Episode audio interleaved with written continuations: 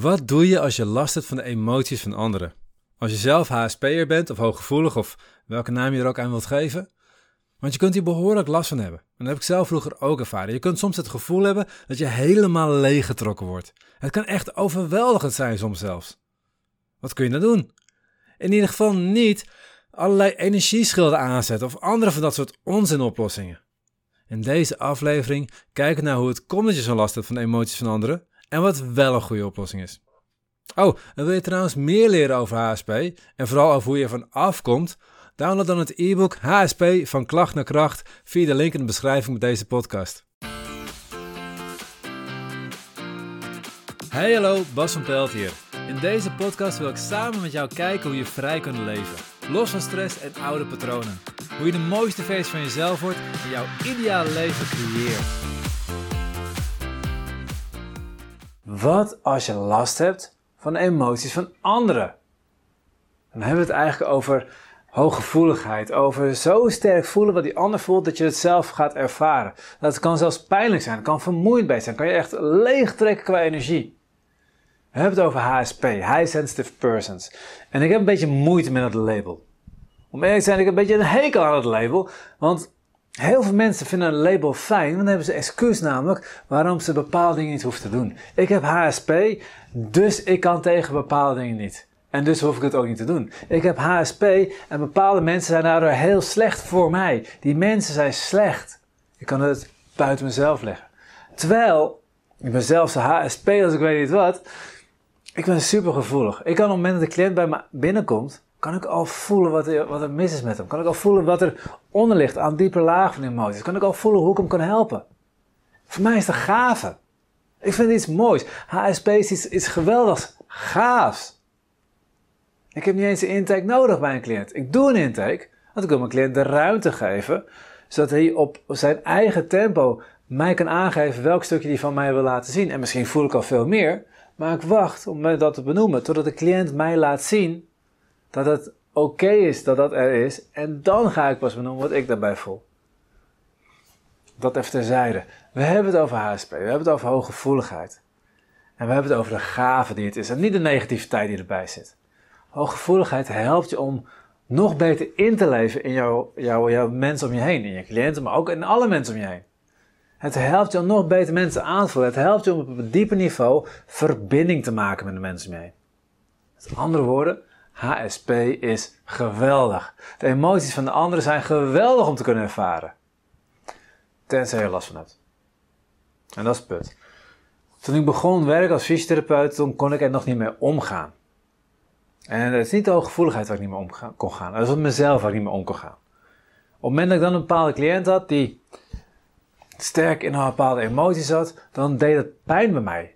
Het kon zelfs echt fysiek pijn. Ik kon echt, echt, echt leeggetrokken door worden. Ik kon echt ontzettend moe zijn na een dag met een bepaalde cliënt die dan geweest waren. Na één cliënt kon ik echt al dood op zijn. Ik had ook gewoon cliënten dat ik gewoon, als ik die inplande, dan plan ik daarna meteen een half uur pauze. Dan ging ik een wandelingetje maken buiten. Om erbij te komen. Het bijzondere is, het zegt helemaal niks over die mensen. Het zegt alleen wat over mij. Waarom heb je zo'n last van wat je voelt? Dan moet je eerst even kijken van ja, waarom heb je überhaupt last van wat je voelt? Want je voelt de emotie van iemand anders in jou. Je voelt de energie van iemand anders in jou. Je voelt soms de pijn van iemand anders in jou. Maar waarom heb je er last van? Heel simpel, omdat bij jou dat er niet mag zijn. Blijkbaar mag bij jou die emotie er niet zijn, of die pijn mag er bij jou niet zijn. En als ik bijvoorbeeld boosheid er niet mag zijn bij mij, Laat ik boosheid als voorbeeld nemen. Dat is een mooi verhaal. Ik heb ooit een ervaring gehad in mijn leven dat, uh, waarna ik besloten heb dat ik niet boos mag zijn van mezelf.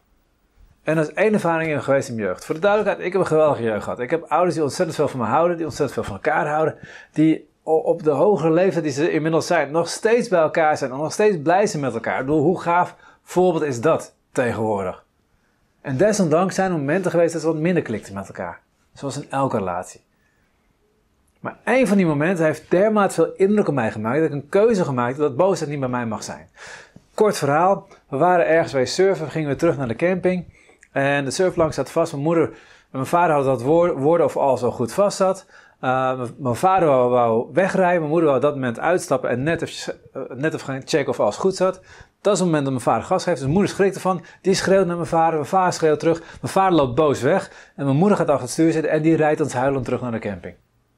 Wat heb ik geleerd over boosheid? Dat ene moment, wat echt mijn momentopname is, heb ik er zo bij me binnengekomen. Dat ik besloten heb, boosheid mag er niet zijn. Dus elke keer als ik mij boos voelde, dan, dan, dan, dan voelde dat niet goed. Dan was het naar. Dan moest ik ervan huilen zelfs. Ik, ik verplaatste mijn boosheid naar verdriet, zodat ik geen boosheid hoefde te voelen. Elke keer als ik ruzie had, ging ik naar verdriet. Want ik wou geen boosheid voelen.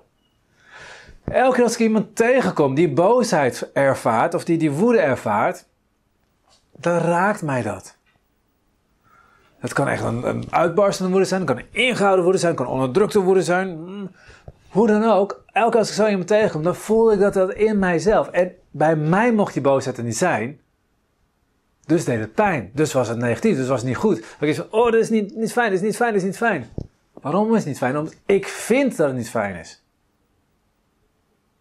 Terwijl boosheid is een geweldige emotie. Boosheid is de, uh, de energie die je gebruikt om, om je eigen ruimte te creëren, om je eigen ruimte in te nemen. Ik geef altijd het voorbeeld van Martin Luther King. Die was boos. Ik heb een droom, het kan beter. We gaan ervoor. Dat is boosheid. Dus je gunt mensen een boosheid. Dan blijven ze een stukje frustratie, wat in beweging moet komen. Dus het is niet negatief. Nee, het is een kracht. Het is soms verkeerd ingezet wordt, soms verkeerd geuit wordt. Dat kan. Maar het feit dat ik die boosheid, die van iemand anders is, in mij voel, daar is niks mis mee. Ik maak er alleen een verhaal van. Dat ik ineens zeg, ja, boosheid is niet goed. Dus wat ik voel is niet goed. En dan voel ik ineens pijn. In plaats van dat ik gewoon iets voel. Een ander voorbeeld, verdriet. Op het moment dat ik iemand tegenkom die veel verdriet voelt, misschien zichtbaar veel verdriet voelt, of misschien onderdrukt veel verdriet voelt, en ik voel dat in mij, zijn verdriet of haar verdriet, voel ik in mij. Als ik helemaal oké ben met verdriet, is het geen enkel punt. Maar als ik zelf nog verdriet ergens opgeslagen heb, nog ergens onderdrukt heb, als ik zelf nog een stuk onverwerkt verdriet ergens heb zitten, en ik voel dat verdriet, en blijkbaar ben ik al bezig om dat te onderdrukken, en dan komt dit nog eens bij, wat eigenlijk dus nog eens triggert aan het oude stukje. Die oude stukjes die hier allemaal opgeslagen worden, daar wordt ineens aan getriggerd, dan heb je zo, nee, dat mag ik niet voelen, dat is niet de bedoeling dat ik dat voel. Weg! En dat is wat er onbewust gebeurt. Ineens voel je iets wat je zelf niet wilt voelen. En daar zit het hele stukje. Je wilt het niet voelen. Dat is wat de pijn veroorzaakt. Dat is wat het erg maakt. Maar er is niks ergs aan verdriet. Verdriet is de emotie die je gebruikt om dingen los te kunnen laten. Om, om van die hele berg shit met oude herinneringen, alle negatieve dingen eruit te halen, weg te gooien, alle, alle positieve dingen te bewaren en, en netjes te ordenen en zorgen dat je die mooie herinneringen nog houdt. Verdriet is een geweldige emotie. Als je de oude dingen kunt opruimen en niet kunt loslaten, heb je geen ruimte voor de nieuwe dingen. Je hebt verdriet nodig. Maar als je het gevoel hebt van ik wil niet dat verdriet er is, of ik wil nu even niet dat mijn verdriet er is, wat eigenlijk hetzelfde is, alleen we maken onze ouders zelf de gek dat ze zeggen ja, nu even niet, en vervolgens wordt het nooit, want zo gaat het altijd, dan ben je het verdriet aan, verdriet het onderdrukken. En als dan het verdriet van iemand anders komt en jij voelt dat in jouw lichaam, jij ervaart die persoon zijn verdriet, het triggert ook nog eens jouw oude verdriet, dan heb je zo, nee, dat wil ik niet. En dan doet het pijn. En dan is het negatief. En dan kost het je energie, want je bent de hele tijd bezig om, ik wil het niet voelen, ik wil het niet voelen, ik wil het niet voelen. Het is vermoeiend op deze manier. Ook de fysieke pijn van iemand, als jij het oké vindt om pijn te voelen, heb je geen last van pijn. Er is zoiets als goede pijn. Pijn heb je soms nodig. Soms moet je ergens tegenaan lopen, zodat je voelt van, oh, dit is niet goed. Zodat je gaat veranderen. Sommige mensen hebben een burn-out nodig om erachter te komen van hé, hey, ik moet veranderen hoe ik met mezelf omgaan. Sommigen hebben een tweede, eh, zelfs een derde burn-out nodig voordat ze gaan veranderen. Ik heb veel cliënten die hebben al een burn-out gehad, zijn met zichzelf naar gang gegaan, vervolgens toch hebben zelf niet doorgegaan met hun eigen leven. En dan komen na een tweede burn-out bij mij, want ze willen nu wel veranderen. Dan hebben ze die pijn nodig gehad. Ik heb genoeg momenten in mijn leven heb ik pijn nodig gehad om erachter te komen waar gaat het fout. Waar zit mijn mindset scheef? Waar doe ik mezelf tekort? Door die pijn te voelen kon ik groeien. Ik gun mensen hun pijn. Ik gun mensen hun verdriet. Ik gun mensen hun boosheid. Als een cliënt bij me komt die heel veel boosheid in zich heeft en ik voel het in mij, dan voel ik dat. En dan vind ik het prima. Op het moment dat ik het niet prima vind, kost het me energie. Op het moment dat ik het prima vind en me ook niet verantwoordelijk voel om hem te hoeven helpen, want ik hoef hem niet te helpen. Die mag die pijn voelen. Mijn cliënt mag zijn pijn voelen. Mensen om me heen, als ze verdrietig zijn, als ze intens verdriet beleven, om, om wat voor reden ook, mogen ze dat voelen. En ik mag meevoelen. Ik mag het ook voelen. Dat is goed. Het heeft allemaal een functie. Ik gun ze dat verdriet. Ik hoef ze niet uit het verdriet te helpen. Ik hoef ze niet beter te maken. Ik hoef ze niet te genezen. Ik ben niet verantwoordelijk dat zij ineens allemaal blij gaan voelen. Ik wil niet dat ze zich alleen maar blij gaan voelen. Ik wil dat ze af en toe hun verdriet ervaren, zodat ze kunnen loslaten. Ik wil ze af en toe boosheid ervaren, zodat ze hun eigen ruimte innemen. Gaan groeien. Ik wil ze af en toe zorgen maken, zodat ze meer contact maken met mensen om zich heen. Ik wil ze af en toe angst ervaren, zodat ze bij hun eigen kern komen. Zodat ze ontdekken waar, ze, waar het nou echt over gaat in hun leven. Ik wil ze af en toe pijn ervaren. Want ik weet dat pijn helpt om te groeien. En als jij het oké vindt dat jij die dingen voelt in jezelf, dan is er niks aan de hand als jij die dingen ervaart. Dan is het prima als je dingen ervaart. Als jij het oké vindt om pijn te ervaren, net zoals spierpijn is een goede pijn. Net zoals als je flink aan het trainen bent, doet het soms ook pijn, is ook een goede pijn. Als je aan het rekken bent, kan het ook een beetje pijn doen, is ook een goede pijn. Op het moment dat je beseft dat pijn ook gewoon goed kan zijn, en je kunt pijn laten zijn, heb je daar ook geen issue meer. HSP, hooggevoeligheid, is alsof je langs iemand loopt. Je kijkt naar die persoon en je ziet een gigantische schilderij. En je kan het schilderij heel mooi vinden of heel lelijk vinden. Maar ja, op ik dat, dat, dat, dat ik de andere kant op kijk, heb ik al geen last meer van dat het lelijk is. En hoe lelijk een schilderij ook is, ik heb er geen last van. Tenzij ik een verhaal van maak in mijn hoofd. Op het moment dat ik niet vind, ik vind dat die emotie niet mag zijn, op het moment dat ik een verantwoordelijkheid voel om die andere persoon te veranderen. Ik weet helemaal niet of die andere persoon wel veranderd wil worden. Maar ik voel die, verantwoordelijkheid om te veranderen. Dus ik ga lopen duwen en trekken aan. Kost het mij energie? Is het voor mij vermoeiend? Ben, ik mezelf aan het leeg laten lopen? En ben ik mezelf negatief aan het voelen? En Ga niet proberen met allemaal van die vage New trucjes. Ja, je stelt je voor dat een witte roos tussen jullie zit, een soort energieschild wat al die negativiteit tegenhoudt. Want er is geen negativiteit. Jij maakt de negativiteit van. Er is alleen maar energie. Er is een emotie die voel je, een verdriet voel je. Je voelt een boosheid, je voelt een angst, je voelt een zorgen. Daar is niks mis mee. Als je iets mis van maakt, dan is het ineens negatief. En dan moet je de negatieve energie proberen tegen te houden. Nee, je hoeft niks tegen te houden. Je mag het binnen laten komen. Je mag het ervaren, je mag het loslaten. Je mag erkennen dat die emoties allemaal functies hebben. Je mag erkennen dat in jouw dingetjes zitten die aangeraakt worden. Als jij niks hebt om te triggeren, word je ook niet getriggerd door ze.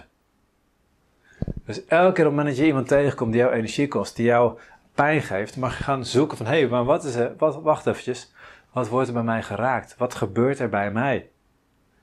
En dus eigenlijk is die persoon in plaats van een irritant iemand die je leegtrekt, is ineens een leraar van je. Die jou helpt om jezelf te ontdekken.